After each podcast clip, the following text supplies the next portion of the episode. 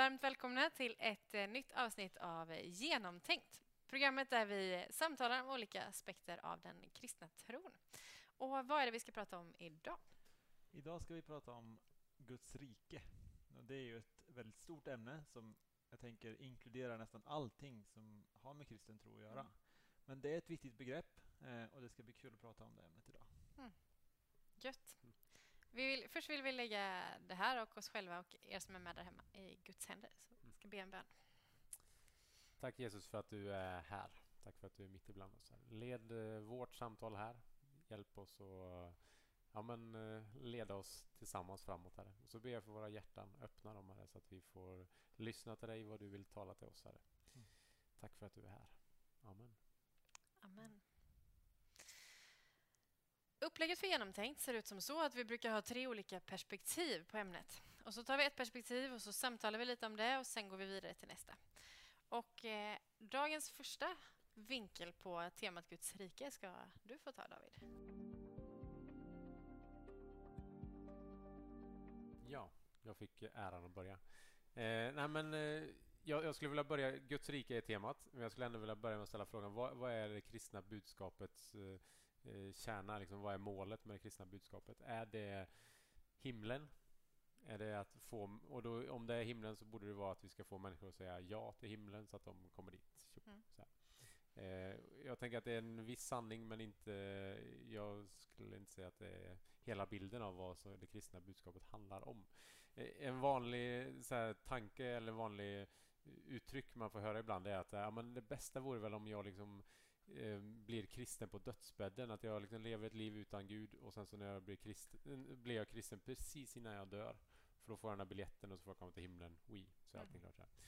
På något sätt säger man ju då att det kristna livet är ett lite lägre liv och att det inte är, ja, men att det är ett liv som uh, inte är lika bra helt enkelt. på något sätt så här. Och Jag tycker att det, det blir en väldigt skev bild av vad det kristna budskapet handlar om och vad, mm, vad det är tanken med det hela. Liksom så jag menar ju att det är tvärtom, att det kristna livet är det som är tänkt att leva. Så att det är dit uh, egentligen vi missar något om vi, om vi skulle ta, få det precis på dödsbädden så skulle jag ha missat något istället. Så, mm. ja. eh, Guds rike alltså. Och om man kollar evangelierna, vi har ju fyra evangelier i Bibeln. Om man kollar vad, vad som står där så är det ju eh, dels berättar de om vem Jesus är. Man ger en bild av vem är han och vad gjorde han. Och sen så pratar, eh, presenterar man vad han sa. Och det, när han pratar så säger han nästan utslutande om Guds rike, Guds rike, Guds mm. rike, mm. Guds rike. Det är det han pratar om och det är det han på olika sätt visar. Så, eh, så det, det, är liksom, eh, det skulle jag säga, vad är, vad är målet och vad är det kristna budskapets kärna? Det är Guds rike, för det är det Jesus tar fram. så. Sen, och då kan man ställa frågan, vad är då Guds rike? Mm. Det borde vara en ganska given fråga. Vad är Guds rike? Det, där blir det lite svårare, som alltid. Jesus han är, har liksom ingen så färdig manual eller en så traktat som han lämnar ut. Säger att det här, 1, 2, 3, det här står Guds rike för. Utan när han möter människor säger han bara så här, ja men Ida Maria, följ mig. Eh, och någon annan kommer vad, Vem är du? Och, och då säger han bara, men följ med och se. Så mm. Jesus på något sätt han bjuder in människor till honom och säger att följ mig. Och att det är ett liv man får möta och leva tillsammans med honom och upptäcka på något sätt. Så, mm. så därför finns det inget så färdigt traktat som man så här, eh, svart på vitt, 1, 2, 3. Så här, utan det är mer ett liv som vi får möta i, hos Jesus. Så, här. så det är Guds rike kan man förstå vad det är genom att man ser det livet Jesus visade och det livet han berättade om. Eh, och jag tänker, Det livet han visade om det, det börjar egentligen med att han går in i en synagoga i Lukas eh, evangeliet eh, kapitel 4 och så säger han att Herrens ande är över mig, så han har smort mig till att frambära ett glädjebud för de fattiga och eh, syn för de blinda, ge de förtryckta frihet och så. Ja, han, han vill liksom att lyfta människor. Mm. Här, han går in och säger att ja, men jag har kommit för att presentera Guds rike kan man säga. Och sen så visar han det på olika sätt genom att eh, han samlar väldigt många människor runt sig, Jesus. Mm. Och det gjorde han inte genom att han hade massa kloka saker att säga bara. Det står det också att han hade. Men det som gav uppmärksamhet var ju det han gjorde framförallt. Att han, han gjorde människor friska. Lama kunde gå och syna fick blinden, äh, syna, blinda fick synen tillbaka heter det. Eh, men så han gjorde saker, vilket, eh, och, och, poängen med det han gjorde det var att han ville visa vad Guds rike är. Att det är ett, ett rike där trasigt blir helt, där han upprättar och där liksom saker blir helt. Eh, Guds rike, det var han ville visa. Och, och, med sitt liv så rör han vid de där människorna som eh, på den tiden så var man ju, hade man en sjukdom till exempel spetälska eh, en sån sak. Så då ansågs man oren och olika människor ansågs orena vilket gjorde att man stängdes ut från samhället. De rörde han vid och visade att ja, men ni, är, ni är liksom med i gemenskapen. Mm. Eh, sådana som var utstängda av andra anledningar åt han och drack med. Liksom, så här, de som ingen ville ha med att göra för man ansåg att de inte eh, var värdiga. Liksom, så här, de bjöd han in. Guds rike. Alltså att han gjorde människor hela. Han bjöd in människor och han eh, lyfte upp människor på mm. sätt och vis. Så han visar med sitt liv så. Liksom så. Eh, det är det ena. Eh, och sen eh, det andra så pratar jag om, försökte han berätta om Guds rike. Och man kan säga att när han berättar om det så finns det väl bästa stället är bergspredikan skulle jag säga. Det är lite som en nästan den där 1, 2, 3 grejen fast ändå inte riktigt. Så försöker han berätta om hur ser det här livet ut i det här riket, Guds rike. Mitt i det här så, så finns det en berättelse om hur lärjungarna kommer till Jesus och så frågar de så här, men eh, lär oss att be. Och då säger han så här, ja men så här ska ni be. Så säger han, vår fader, du som är i himlen. Låt ditt namn bli helgat. Låt, och så säger han, låt ditt rike komma. Låt din vilja ske på jorden så som i himlen. Alltså att eh, han ber oss att be om att hans rike ska bli verkligt på den här jorden, synligt. Mm. Att det ska vara vår bön. Det är liksom, liksom lite kärnan i bergspredikan, vår fader, tänker jag och att hans rike ska bli synligt här på den här jorden.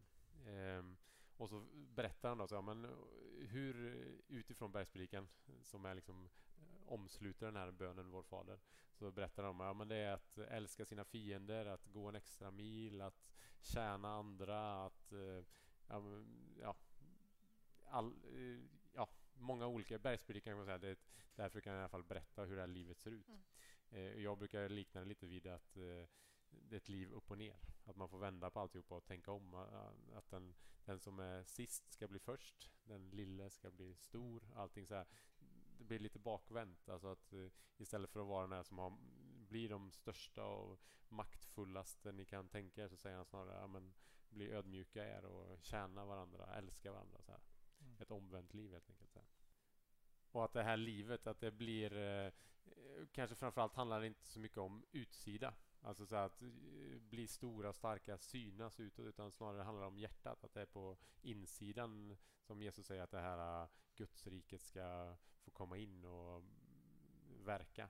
Jesus pratar i den här berättelsen om att eh, gå in i din kammare för då kommer Gud som ser i det fördolda belöna dig. Alltså att det är inte att vi ska synas och att det ska bli vi ska komma fram utan mm. det är hjärtat som ska förvandlas och förändras och så vidare. Så. Ja, ni får ställa lite frågor sen. Liksom, jag kan kanske utvidga det hela lite så här. Men poängen är så här, vad är Guds rike? Jo, men det är det Jesus visade och det han berättade om och det han berättade om framförallt i bergspredikan. Vad är det då som gör det här eh, livet möjligt att leva? Vad är det som gör att vi kan leva Guds rike? Och där är ju svaret Jesu kors, hans död och uppståndelse.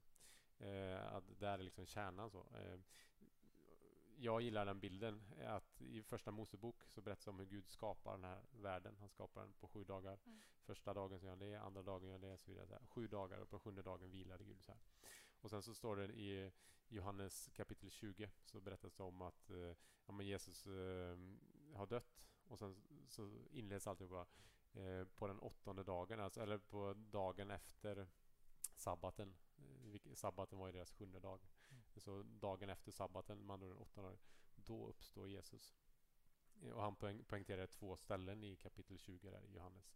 Och det är som att han vill eller liksom trycka på att ja, men nu är det en ny skapelse. Alltså Jesus ska, eller Gud skapade den här jorden på sju dagar. Och så nu börjar en ny skapelse i Jesus mm. på den åttonde dagen. Och så, eh, så i den här uppståndelsen så kan vi eh, så blir det här livet, Guds riket möjligt genom Jesus. Eh, och vi kan, när vi tror på honom, när vi tar emot honom, så kan vi i, i honom eh, leva det här uppståndelselivet tillsammans med honom. Så uppståndelsen är det som gör det möjligt. Att anden och allt detta som vi har pratat om lite tidigare eh, kan göra det möjligt hos oss. Mm. Så vad, på ett, något sätt, så här, vad är jag landar i? Det blir väldigt kortfattat alltihopa. Men något så här, om man får sammanfatta poängen lite med Guds rike som jag vill lyfta fram idag. Det är att det är ett liv vi ska leva. Mm. Inte så mycket... Ja, men ibland så, ja, kristen tro kan ibland handla om att man ska säga ja till Jesus eller att det handlar om en himmel där och då. Jag tänker att kristen tro handlar för mig om ett liv som levs här och nu mm. i, på den här jorden. Att det är där det börjar. Mm. Eh, en av de mest kända bibelberättelserna är Förlorade sonen. Där eh, en son går bort från sin pappa och sen slutar det med att han får komma hem och pappan eh, omfamnar honom och säger välkommen hem. Och så där har vi ofta stannat och sagt ja men vad härligt. Eh, han blev insluten hos pappan igen. Så här. Jag tänker att det är där det börjar alltihopa. Det är inte där det slutar. Att han får komma hem och nu är det slut. Utan det är då han får börja leva sitt liv hos pappa. Mm. Det är det vi tänkte att göra också. Mm. Att vända lite. Uh, Eh, så det är ett liv, Guds rike är ett liv tänkt att levas. Eh, det finns en berättelse om en samarie eh, som den barmhärtige samarien finns en berättelse i alla fall. och där det slutar med liksom som Jesus pekar på människorna och säger men gå du och gör som honom.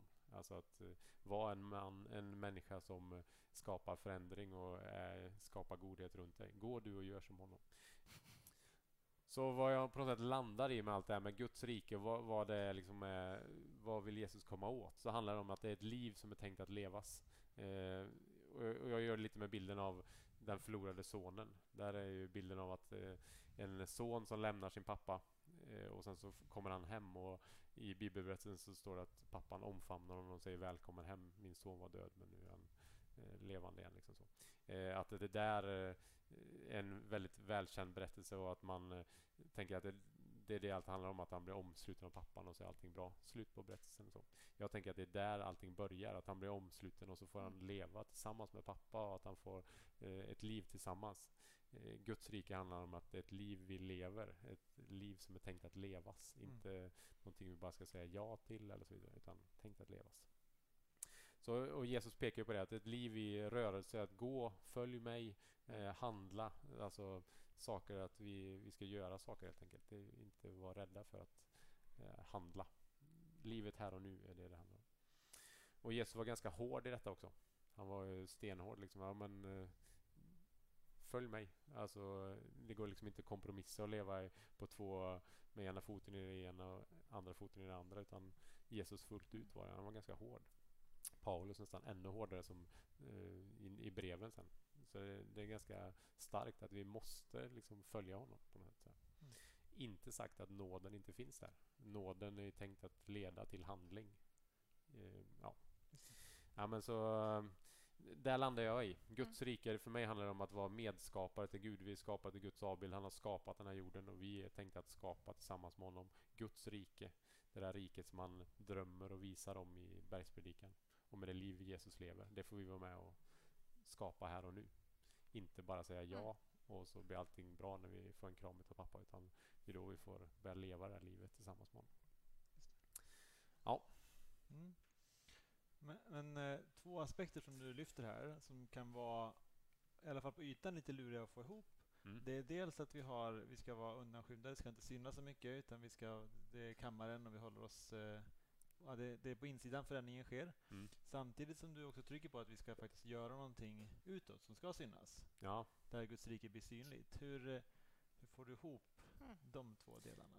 Ja, men, eh, bra fråga, men ganska enkel på ett. Jag tänker att eh, om, vad är syftet bakom måste vi ställa. Liksom så mm. Om man gör utåt för att det ska, jag ska komma fram eller för att eh, liksom, se mig. Eh, då går man emot vad Guds rike pratar om. Guds rike pratar om att det ska komma inifrån, att det är ett hjärta som eh, gör det av kärlek och man för, för mina, ja, man gör det inte för att jag ska, syftet är inte för att jag ska synas utan för att eh, ja, kärlek helt enkelt. Just det, och för att Gud ska bli synlig. Ja. Mm. Och, och där tänker jag att det är en ganska svår eh, balans. För idag så är det ju så. Vi, mer och mer så eh, det handlar om att synas. Syns du inte mm. så finns du inte. Lite, lite Facebook, Instagram problematiken på ett sätt. Om du inte syns så ja, Och då blir det ju vi som kyrka också så här, men det är lite att vi måste synas. Nu gör vi en podd för att vi ska, eh, ja men vi vill på något sätt syna, prata om Jesus så att det får vara synligt. Eh, så det är alltid en fi, hårsfin eh, balansgång där. Mm. nu. Hårsfin. Ja. Hårfin. Jag. ja, tack. Eh, nej, men så här, att synas men göra det med hjärtat. Liksom, att vad är syftet bakom? Varför är ja, helt avgörande alltid så här tänker jag. Så Ja. bör man kolla sig själv lite ibland, kanske? Ja, ganska ofta tror jag. Mm. Ja. Mm. ja. Har du en fråga eller får jag ta en till? Du får ta en till. Jag sitter... ja, Nej, men jag klurar också på det här med när, när Jesus kommer och pratar om Guds rike. Som du säger, han gör det ganska ofta, Hela tiden. hela tiden. Det är hans huvudbudskap. Mm. Fanns det någon förförståelse när han kommer och pratar om det? Eller fanns det något koncept som han liksom... Ja, det fanns. Och det, och det, här, det här skulle man kunna... Lite ledande hur, fråga. hur man skulle kunna svara på det på ett eh, kort sätt. Jättebra. Men det fanns det. Det är jätte i, eh, genomtänkt eh, utifrån att eh, Israel var ett folk. Eh, man hade ett land, man hade eller man har haft ett land och det fanns en tanke om en kung och alltihopa det här. Så det finns, fanns en jättetydlig koppling till Gamla Testamentet, kung David Mm, i eh, Gamla Testamentet och eh, att eh, och så finns det profeterna då som pratar om hur eh, att det en dag ska komma en Messias Mm. Mm. som ska eh, ja, skapa detta Gudsrike. Men det, det Jesus gör det, de hade ju en förväntan på vad Gudsrike skulle vara och det handlar väldigt mycket om en fysisk plats, en fysisk land, ett fysiskt rike liksom. Och han snarare gör ett, ett rike som handlar om hjärtat. Mm, just det. Så, så han, det finns ju en jättetydlig för förståelse för det. Alltså. Men eh, han, de blir väldigt chockade för de tänker att nu ska han komma och skicka ut romarna. Liksom, Mm. eller, eh, ja, det fanns, judarna var ju inte ett enat folk på så sätt heller att alla tänkte samma sak. Ganska splittrat eh, på Jesu tid där. Eh, men det fanns ändå en grundtanke på det här, liksom att ja, men, kasta ut romarna och att Israel ska blomma upp. Det var Mm. ändå liksom en, en förförståelse kring det här med Gudsriket. Ja. Ja. Jag tänker att det är inte helt, en helt oproblematisk bild i den tiden som han finns i. Alltså i och med att man Nej. lever under romarrikets förtryck. Eh, man lever i ett ganska tydligt bild av vad ett rike är. Mm. Eh, att det är ju inte en helt enkel situation han sätter sig i när han börjar tala om ett annat rike. Nej, Nej. Och, det, och det är det eh, många... När, när vi har grävt lite i de här bibeltexterna så förstår man att det finns massa ord som är kopplade just till eh, eh, att försöka utmana eh, kejsaren och Mm, romarriket, liksom hur tankarna är. Man gör kopplingar dit hela tiden. Liksom Mm. så. Eh, det kan vi nog inte gå in på nu. Men det, där, det, man märker ju att eh, ja, Jesus är ganska saker som inte vi snappar upp när vi bara läser det med våra ögon. Liksom så. Men på den tiden så var det väldigt... Det finns väldigt många kopplingar i alla fall till Mm. eh, Men det är ju intressant. kejsaren och riket där. Mm. Ja, men det är intressant att se att för de förväntade sig att de skulle få synas. Nu ska, nu ska vi få makten. Nu ska Mm, vi ja, få. ja. Mm. Och på samma sätt eh, känner vi idag att vi, Ja. nu ska vi få synas, vi ska få komma ut. Just det. Men det är inte det som Jesus pratar om. Nej, Han pratar om ett precis. annat sätt att leva på. Mm. Mm. Mm, Får- Får svårt. får jag ge en liten bild? Mm. Mm. Får jag avsluta? Jag gillar ju bilder. Mm. Det var en, en kollega till mig som i Jönköping är, en pastor, som berättade, han kom från USA, så berättade han att han en gång hamnade på en, en laggård eh, och så eh, där fick han eh, lära sig att mjölka ko för hand. Mm. Eh, och där, eh, när man stänger handen så gör man ju, eh, i vanliga fall så stänger man med lillfingret först. Mm. Guds rike tänk, eh, gjorde han bilden av att det, det, när man mjölkar en kossa så stänger man med pekfingret först och så lillfingret sist. För att liksom trycka ut spenen på Mm, mm, kossan. mm. Ja, Guds rike. Jag tänker att det, man får vända på alltihopa liksom så här, istället för att stänga så. Så får man tänka. Jag tyckte det var en bra Ja, bild. ja, Jag, ja. jag har haft med mig det. Jag tänkte så här, förstår, Ja, men man får liksom så här, nej just det, jag vill synas. Och bara, nej just det, nu måste jag tänka om där. Kanske varför syns man? Och så här, ja. Ja. Jag tycker att det är en bra bild att ta med För sig. att Men, liksom få ut allt ur... ja, inte för att få ut allt, men, men för om du börjar fel håll så trycker du upp mjölken i, i Ja, djuret istället. Jag tänker att vi släpper den bilden. Ja, jag tror vi gör det. Ska vi se om vi får med den. Ska vi gå vidare till nästa, nästa del? Mm. Eller vad tror vi? Ja. Och då är det min tur. Då är det din tur.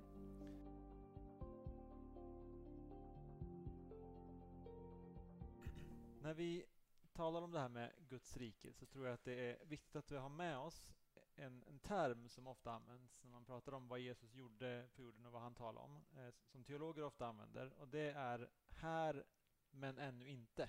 Alltså vi har det, men det kommer ännu mer. Eh, för det som Jesus gjorde på korset, det innebar att han öppnade vägen för Guds rike, att det skulle få bryta in här och nu, där Guds vilja får finnas med kärlek, med upprättelse, med nåd och med, eh, med Guds kraft, det som David talade om. Samtidigt, eh, om vi tittar på världen och vi tittar på oss själva så får vi erkänna att det inte alltid ser ut så. Eh, den här världens lidande och brist eh, drar oss ner till en standard som ligger under det som Jesus talade om när han pratade om Guds rike, det som det är tänkt att vara. Och av den anledningen så ser den kristna tron fram emot eh, när det här ska bli helt förverkligat, när det ska bli en verklighet fullt ut. Eh, den eviga frälsningen, den fulla gemenskapen med Jesus, med Kristus eh, och då vår frälsning, vår räddning blir helt fullbordad. Och det här är här, men ännu inte. Så vad innebär det här då mer konkret? Jo, men ett sätt som man kan tala om det här, det är att tala om eh, Jesus eh, andra tillkommelse. Alltså det hopp som, som finns i den kristna tron om att Jesus en dag ska återvända till vår historia. Den här försmaken, det här eh, här eh, som vi pratar om, det kommer genom eh, Jesus kommer till historien och dör och uppstår igen. Och Sen kommer det här också att fullbordas, helt ut förverkligas, det som han gör på korset då han kommer tillbaks en andra gång till vår historia. Det som blir vår historias klimax kan man säga och avslut, avslutningen på vår tids historia. Paulus han sammanfattar det här hoppet i Filipperbrevet. Han skriver Men vi har vårt medborgarskap i himlen. Vi är alltså mm kan man säga besökare här, men vi har vårt riktiga medborgarskap i himlen. Och därifrån, utifrån det, så väntar vi Herren Jesus Kristus som frälsare. Så vi väntar på att han ska komma och fullborda det här fullt ut. Den vanligaste benämningen av det här i Nya Testamentet det är termen parousia, parousia eh, som betyder ungefär att anlända, att komma. Och Det användes när en viktig person eller kung kom till en stad och besökte den staden. Och det är precis det som sker när Jesus eh, ska komma tillbaka.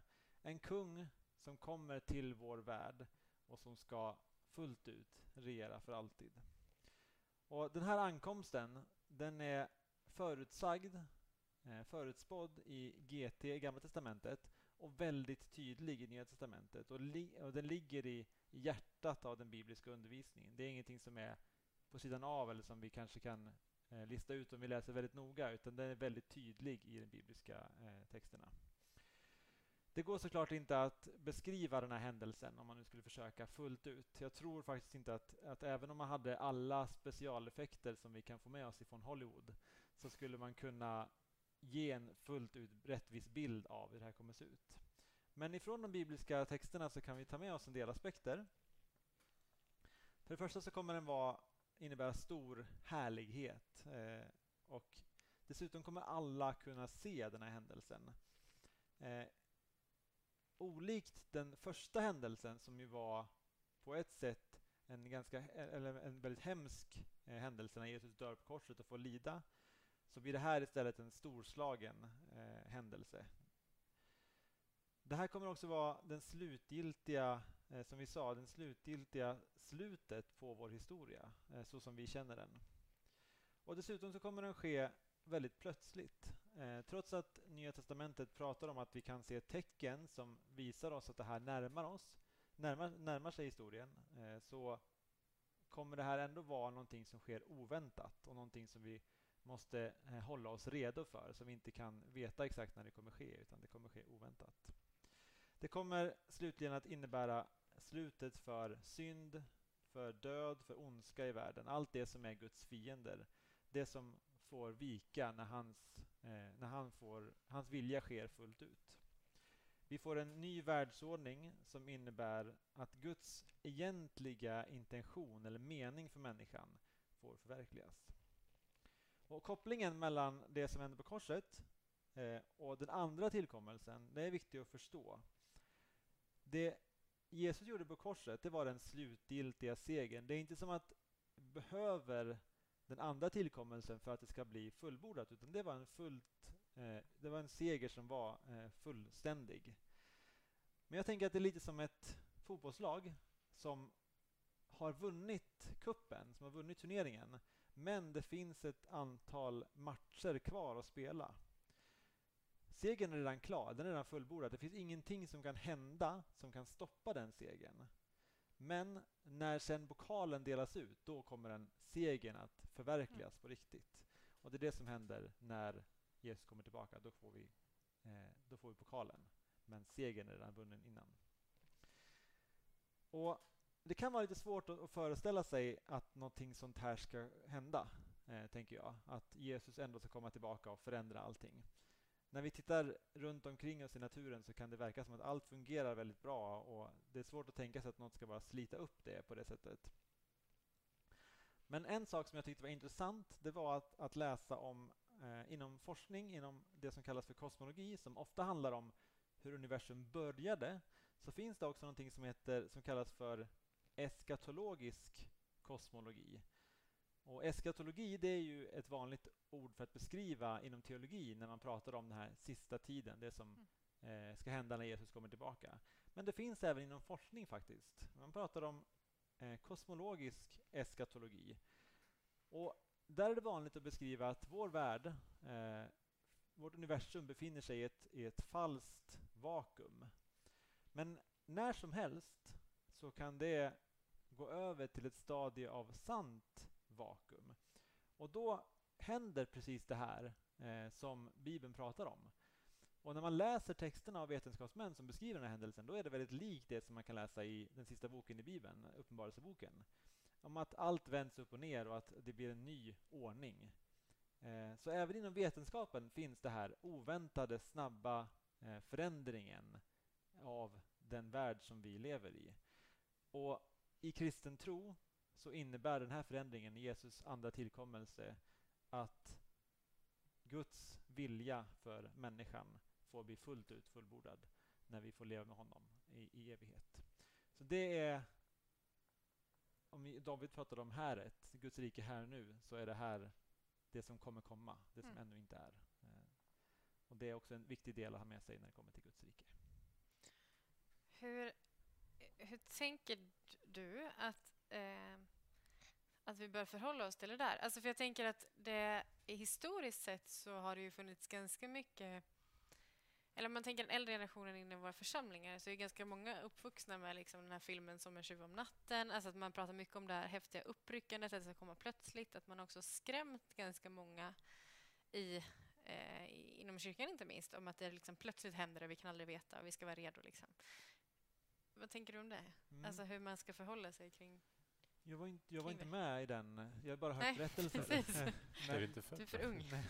Men jag, vet, jag har hört berättelser. Det var en, en lärare som berättade till exempel att han eh, hade en, en, en, han brukade ringa ibland till en dam i deras församling. Mm. Och så lyfte hon på luren och så hörde han hans röst. Då la han på. För då visste han att om hon var kvar, då hade inte han... För hon var så, hon var så mm. kristen. Så om hon var kvar, då hade inte han missat det. Nej, så var, okay. För det är, det är ju rädslan att man skulle ja, missa. Men precis. Och där finns det ju en, eh, skulle jag säga, eh, obiblisk tanke om att vissa människor kommer ryckas upp och vissa mm. kommer bli kvar. Mm. Som jag beskriver den här händelsen så är det en, en väldigt tydlig eh, händelse när Jesus kommer tillbaka. Alla kommer se den. Ingenting som sker i smyg innan utan eh, den, den händelse som, eh, som man inte kommer missa. Rädslan som fanns där grundar sig på att man inte var, var osäker på om man fick vara med eller inte. Mm. Och det tycker jag inte heller att det finns någon grund för i Bibeln. Utan där är tydligt, har man bekänt Jesus som sin Herre och litar på honom, då det är det som behövs. Eh, det. det. är inte baserat på hur duktig man är på att leva det, eh, det här leva ut Guds rike som du pratar om. Även om det borde vara en följd mm. och vi bör sträva efter att få leva ut Guds rike, så att få följa med eller att få vara det innebär bara, det är bara en gratis inbjudan av nåd som vi får, som vi får ta emot. Och där kan vi ha en trygghet i vår frälsning, mm. tänker jag. Så där behöver inte den här osäkerheten finnas. Just det. Och jag tänker också att vi kanske har varit lite för dåliga på att betona det positiva. Alltså mm. i det här att det faktiskt är en fulländande, att det är något eh, fantastiskt som kommer hända. Och att risken kanske snarare blir det istället att det känns lite läskigt och eh, märkligt att det plötsligt bara ska ta slut. Alltså jag tänker att det blir liksom det som blir en skrämselgrej också i sig. Ja, det används som en skrämseltaktik. Ja, Eh, precis. Och det, det, det tänker jag är fel. Även om det finns den här aspekten av att världen ska dömas. Mm. Eh, och och där, där kan man säga som du sa, att där kan Jesus vara ganska hård. Följ mig. Mm. Mm. Eh, men det är också tydligt med att för den som är i Kristus Jesus så finns det ingen fördömelse utan då, eh, då, får, eh, då får man leva med honom fullt ut. Just det. Och vill man inte det så är det såklart återigen ett erbjudande. Följ Mm. mig. Precis. Och det är man fri att eh, avstå om man vill. Mm. Eh, en liten nyfiken fråga bara. Det lät som fyrverkeripjäser och sånt. Alltså vad har du för bild av att när han ska komma tillbaka? Eh, Blir det liksom så här Star Wars... Eh, nej men jag bara, vad, vad har du för bild? Ja, men det är Alltså, bra. Jag, jag, man är ju lätt att man kopplar till olika filmer man har sett. Ja, eh, så nej, specialeffekter Och det, det är ingen utan mer Nej, så jag, här, jag. Vad har du för bild av det? Har du någon... eh, Så man har ju, jag vet, eh, kanske är konstigt, men någon, någon gång har man ju så här, jag vet, ni vet varje måndag när det blir ny månad, då, då kommer de här, äh, testar de ju larmet. Just det, flyglarmet. Jaha. Flyglarmet. Mm. Och då har någon tänkt så här, eller bara kort ja, men, trumpeterna som ska blåsa när han kommer tillbaka. Ja, just det. Och sen att mm, något- man tänker någonting med himlen och så här. Mm. Det här är väldigt spekulativt, men, men någon sorts storslagen sak som händer på himlen, och som, som åska eller något sånt där. Och sen, Och, och, ja, precis. Ja. Och alla de här bilderna är ju väldigt eh, präglade av eh, apokalyptisk text så här, med, från Gamla Testamentet med de här pff, storslagna. Så ja, Jag, jag bara prövar en tanke. Jag tycker den är härlig som jag läste för ett tag sedan om att himlen eh, snarare att det är olika dimensioner. Så när han, när han ska uppenbaras så blir det snarare att typ som att rullgardinen dras upp och så förenas himmel och jord på något sätt. Där. Och att himlen får liksom eh, göra all jorden eh, helt fullt ut himmel. Förstår Mm. du? Ja, jag förstår. Eh, ja, men jag tycker att det är lite... Då tar man bort de fyrverkeripjäserna lite så. Men ja, det var inte det du sa. Jag förstår. Men Ja, alltså, eh, jag gillar den bilden ändå. Jag lever i den mer och mer. Jag tänker att ja, men, eh, kanske är det så. Kristi himmelfärd, när han, liksom, han tas bort från deras åsyn. Han kanske bara går in i en annan dimension. Och att han, när han går mellan dörrar och sånt, att han kan liksom röra sig mellan dimensionerna. Ja. ja det är ju... Men jag, jag hoppas eh, som science fiction, eh, lite nörd så här, så att eh, oavsett om jag får leva då eller om jag dör då så får man i alla fall se hur det ser ut. Liksom. Ja. Ja, precis. mm. Hinner vi med en liten fråga till? Eh, Ja. Ja, men eh, fotbollsbilden där. Mm. Det är lite att vi, är, eh, vi spelar... Allt är redan klart, men vi får spela färdigt de sista matcherna. Viktiga matcher. Ja, men eh, är liksom livet det vi gör nu? Att vi, om jag reser upp en människa, har det någon betydelse? Eller att jag tar hand om skapelsen, eh, det vi vackra vi ser runt om oss, har det någon betydelse? Eller är det bara liksom en meningslös match? För Gud gör alltihopa sen ändå. Så här. Eller får vi ta med oss det vi gör in i himlen på något sätt? Spelar vi en oviktig match nu. Ja. Nej, men, och de- den bilden, tanken med den bilden var bara att visa att, att Jesus, det gjorde han på, det gjorde på korset, det var fullständigt. Det var det som var det. segern. Mm. Eh, jag håller med om allt det som du sa om att det, det är viktigt med det vi lever nu. eh, men kanske man kan tänka då att vi kan eh, få med folk, med fler folk i laget. Vi kan hjälpa folk att Mm. inse att den här segern, vi kan få med det laget som har vunnit. Mm. Eh, man kan tänka att vi lär oss saker som vi kommer ha nytta av. Eh, även efter Ja. att vi fått vår pokal. När, när, eh, Ja, men, Mm. ja, men för det finns här lite, tycker jag, lite märkliga tanken att man ska försöka påskynda Jesu återkomst genom att eh, liksom nästan förstöra jorden. Mm. För det, alltså, om vi, det ska vi inte ha med oss i himlen ändå, så liksom vi ska bort härifrån, mm, tänker man. just det. Ja, nej, bara en reflektion där. Ja, jag, men- jag tänker att det har betydelse det vi gör. Det Enda, jag enda möjliga grunden för det skulle kunna vara att man tänker att eh, det står att eh, Jesus inte kommer tillbaka förrän Mm. alla har hört talas om, som en viss eh, Ja, folkstam och så, Ja. ska ha hört talas om honom och att man då kan påskynda genom att berätta mer om honom. Ja. Ja, Det är kanske den enda grunden skulle kunna vara, det. skynda på. Mm, Ja. Precis. Mm. Ja. Ska vi gå in på avslutningen? Ja. ja.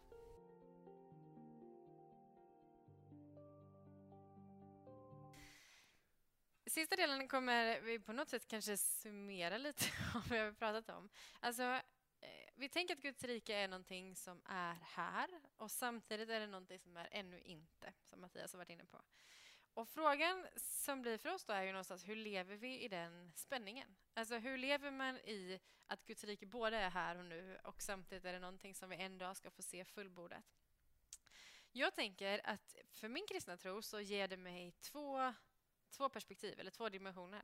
Det ena är ju att jag faktiskt har ett hopp om framtiden. Alltså att jag vet att Guds rike är någonting som ska fullbordas. Att det finns ett perspektiv av att en dag så ska alla tårar torkas, all lidande, all död, allting ska liksom få sin slutgiltiga seger. Ehm, att eh, Guds rike kommer att få blomma ut fullt. Att, eh, att det där fantastiska liksom, paradiset, eller vad man nu vill kalla det, att en dag så är den total. För mig så ger ju det någon form av hopp. Det är en form av framtidstro, det är en form av förtröstan på att det vi ser just nu, det vi här och nu upplever, det är inte slutordet, liksom, utan att det finns något bättre som väntar. Att det blir en annan dimension till mitt liv. Att det också kan få ge mig en strävan efter att få eh, göra ännu mer, att få del av det redan här och nu, men att jag vet att en dag så kommer det bli eh, ännu mer fantastiskt. Att det får ge, ja, men ge ett hopp. Jag tänker in i en tid där vi ganska mycket saknar en, ett hopp kring framtiden och en tro på framtiden så finns den dimensionen med i det kristna budskapet. Att det kommer något bättre. Liksom. Eh, så jag tänker dels att det handlar om det. Att vi kan få leva med det hoppet, med den vissheten, med den förtröstan på att vi kommer ses igen, på att vi kommer, liksom, eh, sjukdomar kommer få bli helade, vi kommer få bli upprättade, eh, vi kommer liksom få hamna i Guds kärleksfulla famn allihopa på något vis. Eh, men sen tänker jag också att det är en dimension till min tro av att just det här att Guds rike också är nu. Att redan här och nu så kan vi få se det där fulländade riket också få bryta igenom. Att det inte heller är någonting som bara sker på Jesu tid och det är inte heller någonting som bara kommer hända sen utan det är någonting som jag kan få ta del av här och nu. Jag tänker att vi på ett sätt var inne lite på det när vi talade om anden. För jag tänker att det är den heliga ande som gör det möjligt. Att Gud ger oss av sin ande för att vi ska kunna få liksom bli del av hans rike fullt ut. Att jag kan få uppleva den där himmelska friden, den där eh, kärleken, eh, rättfärdigheten, barmhärtigheten, nåden som bara Gud kan ge. Att jag kan få vara med och uppleva den eh, fulländat. Liksom. och att jag kan få ge det vidare, att vi kan få sprida det bland människor runt omkring oss. Att vi kan få vara med och faktiskt implementera Guds rike här. Eh, men jag tänker också att vi kan få se det på så vis som på ett sätt kanske känns lite mer eh, extraordinärt. Alltså att vi faktiskt också kan få be för människor som är sjuka och tro på att de kan få bli helade för att Guds rike kan också bryta igenom här och nu.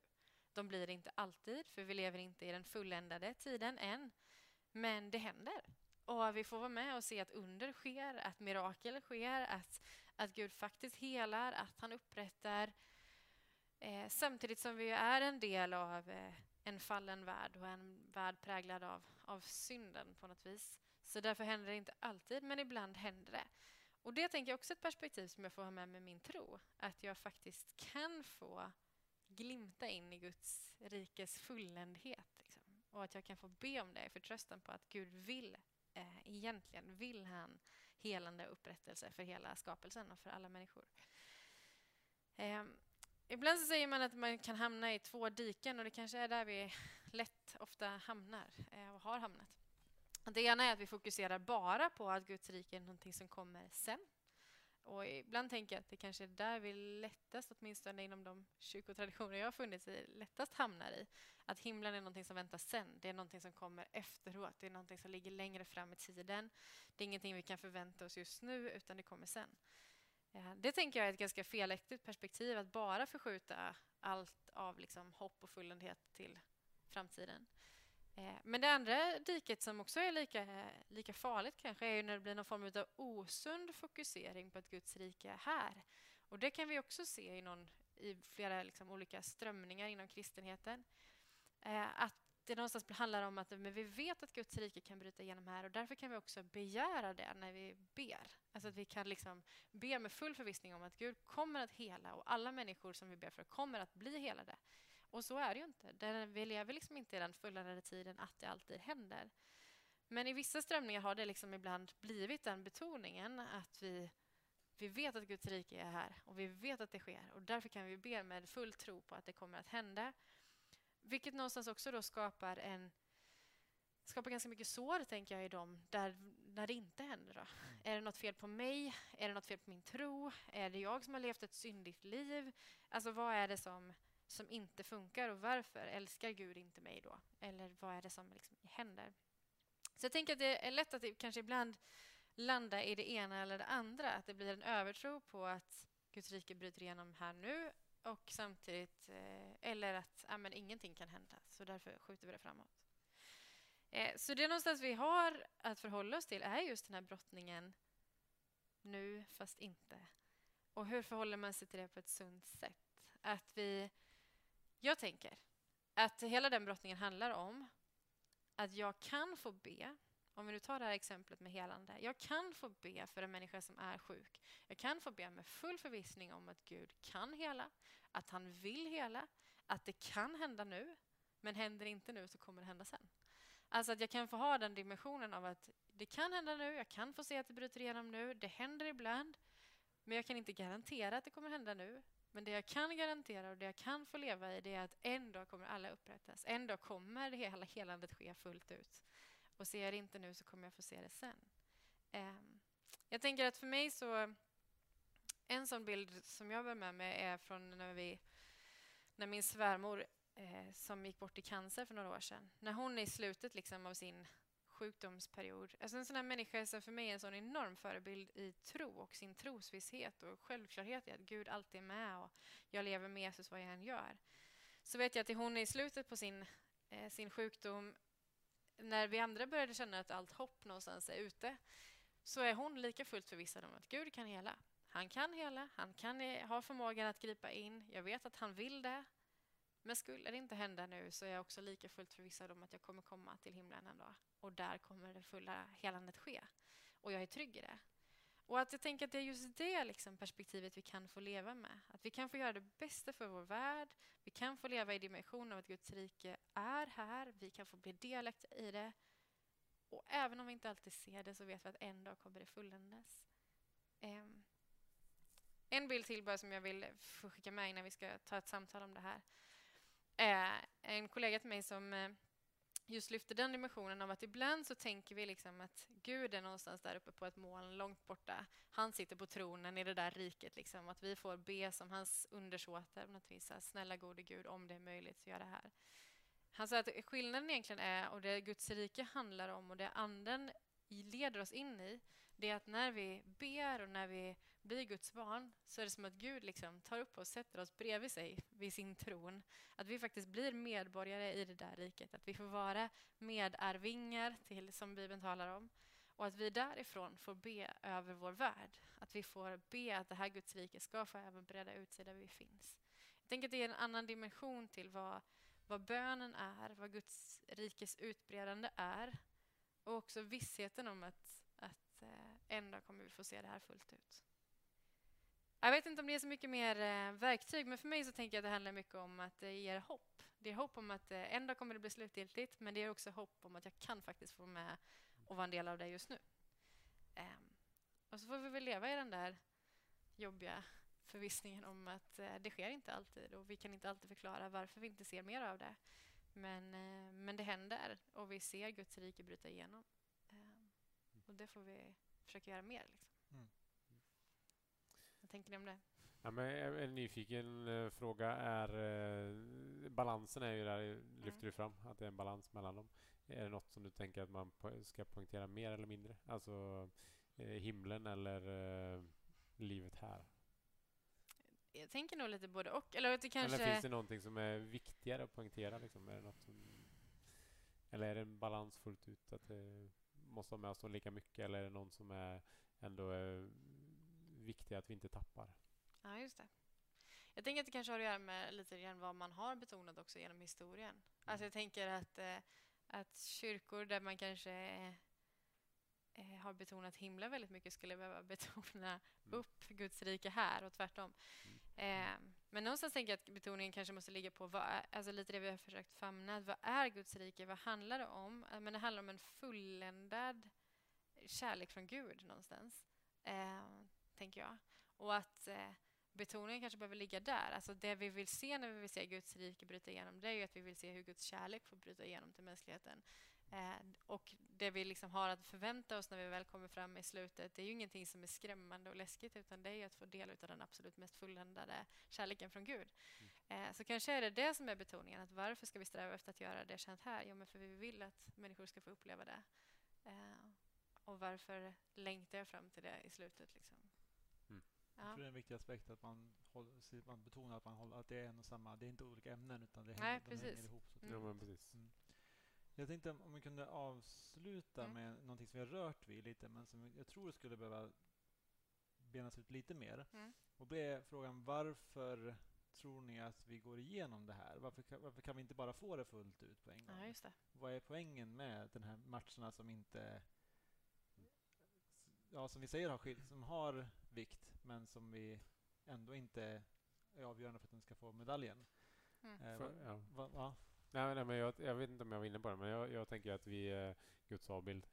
Mm. Gud skapar. Eh, han är skaparen och att eh, vara avbild innebär också att jag får, det ligger i mig på något sätt att få vara med och skapa. Mm. Så eh, att som människa så är, det givet för mig att vara en medhjälpare, medskapare. Så Gud vill att vi ska vara med och skapa Guds rike, skapa, vara med och forma himlen, vara med och forma liksom på något sätt. Så, här. Mm. så därför är det ju, det ligger i mig på något sätt att göra det. Just det, medskapare. med och, Ja, men jag är avbild av Gud som är en Mm. skapare och därför är det ju givna att eh, han vill att jag ska vara med och att det ligger i mig på något sätt. mm. Jag tänker att... Eller du kanske hade Nej, men, replik på eh, det? nej. Jag, men annars tänker jag att, eh, att egentligen är det ju samma fråga som varför släpper Gud in synden i världen? Mm. Ja. Alltså någonstans är, är, vad fanns ju den där fulländheten från början? Varför kunde vi inte bara få vara kvar i den? Eh, så på ett sätt tänker jag att, att svaret egentligen är detsamma här. Så att någonstans handlar det om den fria viljan och vår eh, Guds erbjudande att vi kan få välja att Mm. bli en del av hans, hans liv. Liksom. Eh, att de hänger ihop ganska tajt. Annars hade vi bara kunnat liksom, låta det vara från början. ja, och då Ja. hade ju på något sätt Gud bara tvingat oss in i det. Ja, nu men får vi precis. vara med och välja Ja. och det tror jag är en viktig aspekt i. Mm. Speciellt om vi pratar om äkta men kärlek. Ja, Då precis. måste det finnas det här valet. Att Japp. få, och, och det här livet är på något sätt en, viktig del men det är Mm. också ett sätt att få, eh, få använda den fria viljan till att bestämma. Vill Mm. jag vara med Gud och skapa Mm. eller vill jag inte vara Mm. det? Eh, så att- Jag tänker att det också är dimensionen kanske av att eh, ja, men det här låter ju klyschigt, men man säger ju ibland det här att om man inte vet vad ondska är så kan man inte förstå vad godhet är. Alltså att någonstans också att faktiskt ha sett den skapelsen som vi lever i nu och det liksom alternativet i, i vad den här världen är till att hjälper ju mig någonstans att liksom längta efter något bättre. Mm. Är ni med på den tanken? Alltså jag tänker att faktiskt värdesätta något annat. Liksom. det. Eh, vad tänker du? Eh, nej, men jag, jag köper det. Och jag tror att eh, för att himlen, för att det eviga riket ska vara möjligt så måste vi få eh, välja det här Mm. eh, och nu. Jag tror att det är en viktig aspekt. Sen finns det en annan tanke som jag tycker om, som jag inte är helt klar med, men, men som en del eh, teologer har förespråkat, att när Gud skapar världen så vill han skapa den vackraste världen som är möjlig. Mm. Och det absolut vackraste som kan ske, det är att Jesus dör och uppstår igen för våra synder. Att han tar vårt lidande på sig. Mm. Det är en sån otrolig uppoffring och en så otrolig kärleksfull handling. Mm. Så att det är den bästa världen, där en värld där Jesus dör på korset uppstår igen. Och då måste Mm. synden ske, därför att det ska vara en värld av synd så kan. Jesus dö på korset Mm. och rädda den världen. Mm. Eh, så det, det kan vara en annan aspekt. Eh, Spännande. Ja, Den får man bita i lite i tror jag får bita, ja, men jag kan skicka med den som en, Ja. tanke, som en tankenöt kanske. Ja, men Mm. precis. Ja. Har vi något mer att tillägga eller börjar vi Ja. känna oss ganska... Nej, nej, får jag bara flika in en sak till dig också? Ja, Så får får vi du. se om vi... Nej, men, eh, du pratar ganska mycket om Guds rike, eh, att om vi kan få den fullkomlig här på jorden. Mm. Och det är ganska mycket om helande och den här Mm. biten. så. En fråga är hur mycket Guds rike kan vi få genom att göra det här eh, genom anden, det naturliga, kärleksfulla, Mm, precis. eh, alltså det naturliga på något Mm. sätt. Så här. För det blir ju, eh, en del av aspekten är ju helande och allt Mm. det här. Så. Hur mycket kan vi vara med och for, liksom skapa himlen på jorden här? Ska vi... eh, Ja, men jag, alltså jag tänker ju att det är ju ganska tydligt även med Jesus att det inte är undren och spektaklen som är det centrala, liksom, Mm. utan det är ju människors omvändelse Ja eh, som han är ute efter och sen så någonstans ibland understryker han det genom att göra ett under för att en människa ska tro. Så jag tänker att den, den liksom mest naturliga konsekvensen av Guds rike handlar om att vi ska leva kärleksfullt. Att vi ska leva liksom i, i den eh, frikostigheten och givmildheten och, och, generositeten och kärleken som Gud vill ge oss och som vi kan få liksom, ge vidare till andra och att det i sin tur får vara med och sprida Guds rike.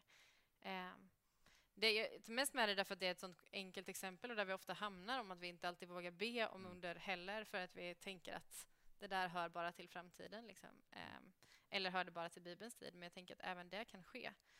Eh, och jag tror att jag tänker, man kan också fundera på varför bryter Guds rike inte alltid igenom? Varför får det inte alltid konsekvenser när vi gör goda saker och goda gärningar? Mm. Eh, någonstans tänker jag att, eh, och det hänger väl ihop med det här med helanden också, att ja, men det sker inte alltid, men ibland sker det. Och ofta tror jag att det är kopplat till att, att för att människor ska tro. Mm. Alltså att ibland ser vi helanden ske, ibland ser vi under ske därför att människor ska få komma till tro, därför att människor ska få se att Jesus kär, kärlek är där. Ibland behöver människor få möta det genom att istället få möta generositeten, givmildheten, alltså eh, kärleken i en omsorg från en annan människa. Alltså jag tänker att Gud har olika sätt att närma sig människor. Eh, och att eh, en del av det vi får med att se kanske är hans sätt att liksom leda människor närmare honom. Mm. Men jag, tror, jag håller verkligen med. Jag tror att där får vi lita på en Gud som har kontroll. Ja. Och som försöker få människor att komma till honom i en fallen värld. Mm. Och det kan vara, ibland kan det vara ett helande som behövs. Mm. Ibland kan det vara en hemsk upplevelse som får, får oss att förstå mm. behovet av Gud. Mm. Så där får man lita på Guds, eh, att han är allsmäktig och vet vad som är mest effektivt. Mm. Få att få oss att förstå att vi hör hemma hos honom. Mm. Mm. Och det vi kan göra är väl att göra vårt yttersta för att ändå förmedla det. Ja, eller så. så det. Ja. Mm. Jag tror vi rundar där. Eh, eller avrundar, heter det. Eh, det finns ju jättemycket mer att tömma ut om det här. Och vi har varit inne på det, att vi har bara snuddat lite mm. vid vad Guds rike är. Men det är ju så vi gör i de här programmen på något vis. Att vi snuddar lite vid något jättestort och så eh, lyfter vi lite aspekter av det. Hoppas att det får ge någonting. Och är det någonting som de som lyssnar tänker inte är helt genomtänkt, då får man gärna höra av sig. Ja, precis. Mm. Och då kan man antingen eh, kommentera, om man ser det här på Youtube kan man kommentera nedanför. Eh, eller så kan man ju höra av sig genom att mejla eller ringa till oss också. Yes. Eh, så eh, tack för att ni har varit med och lyssnat. Vi önskar er en eh, fortsatt härlig dag.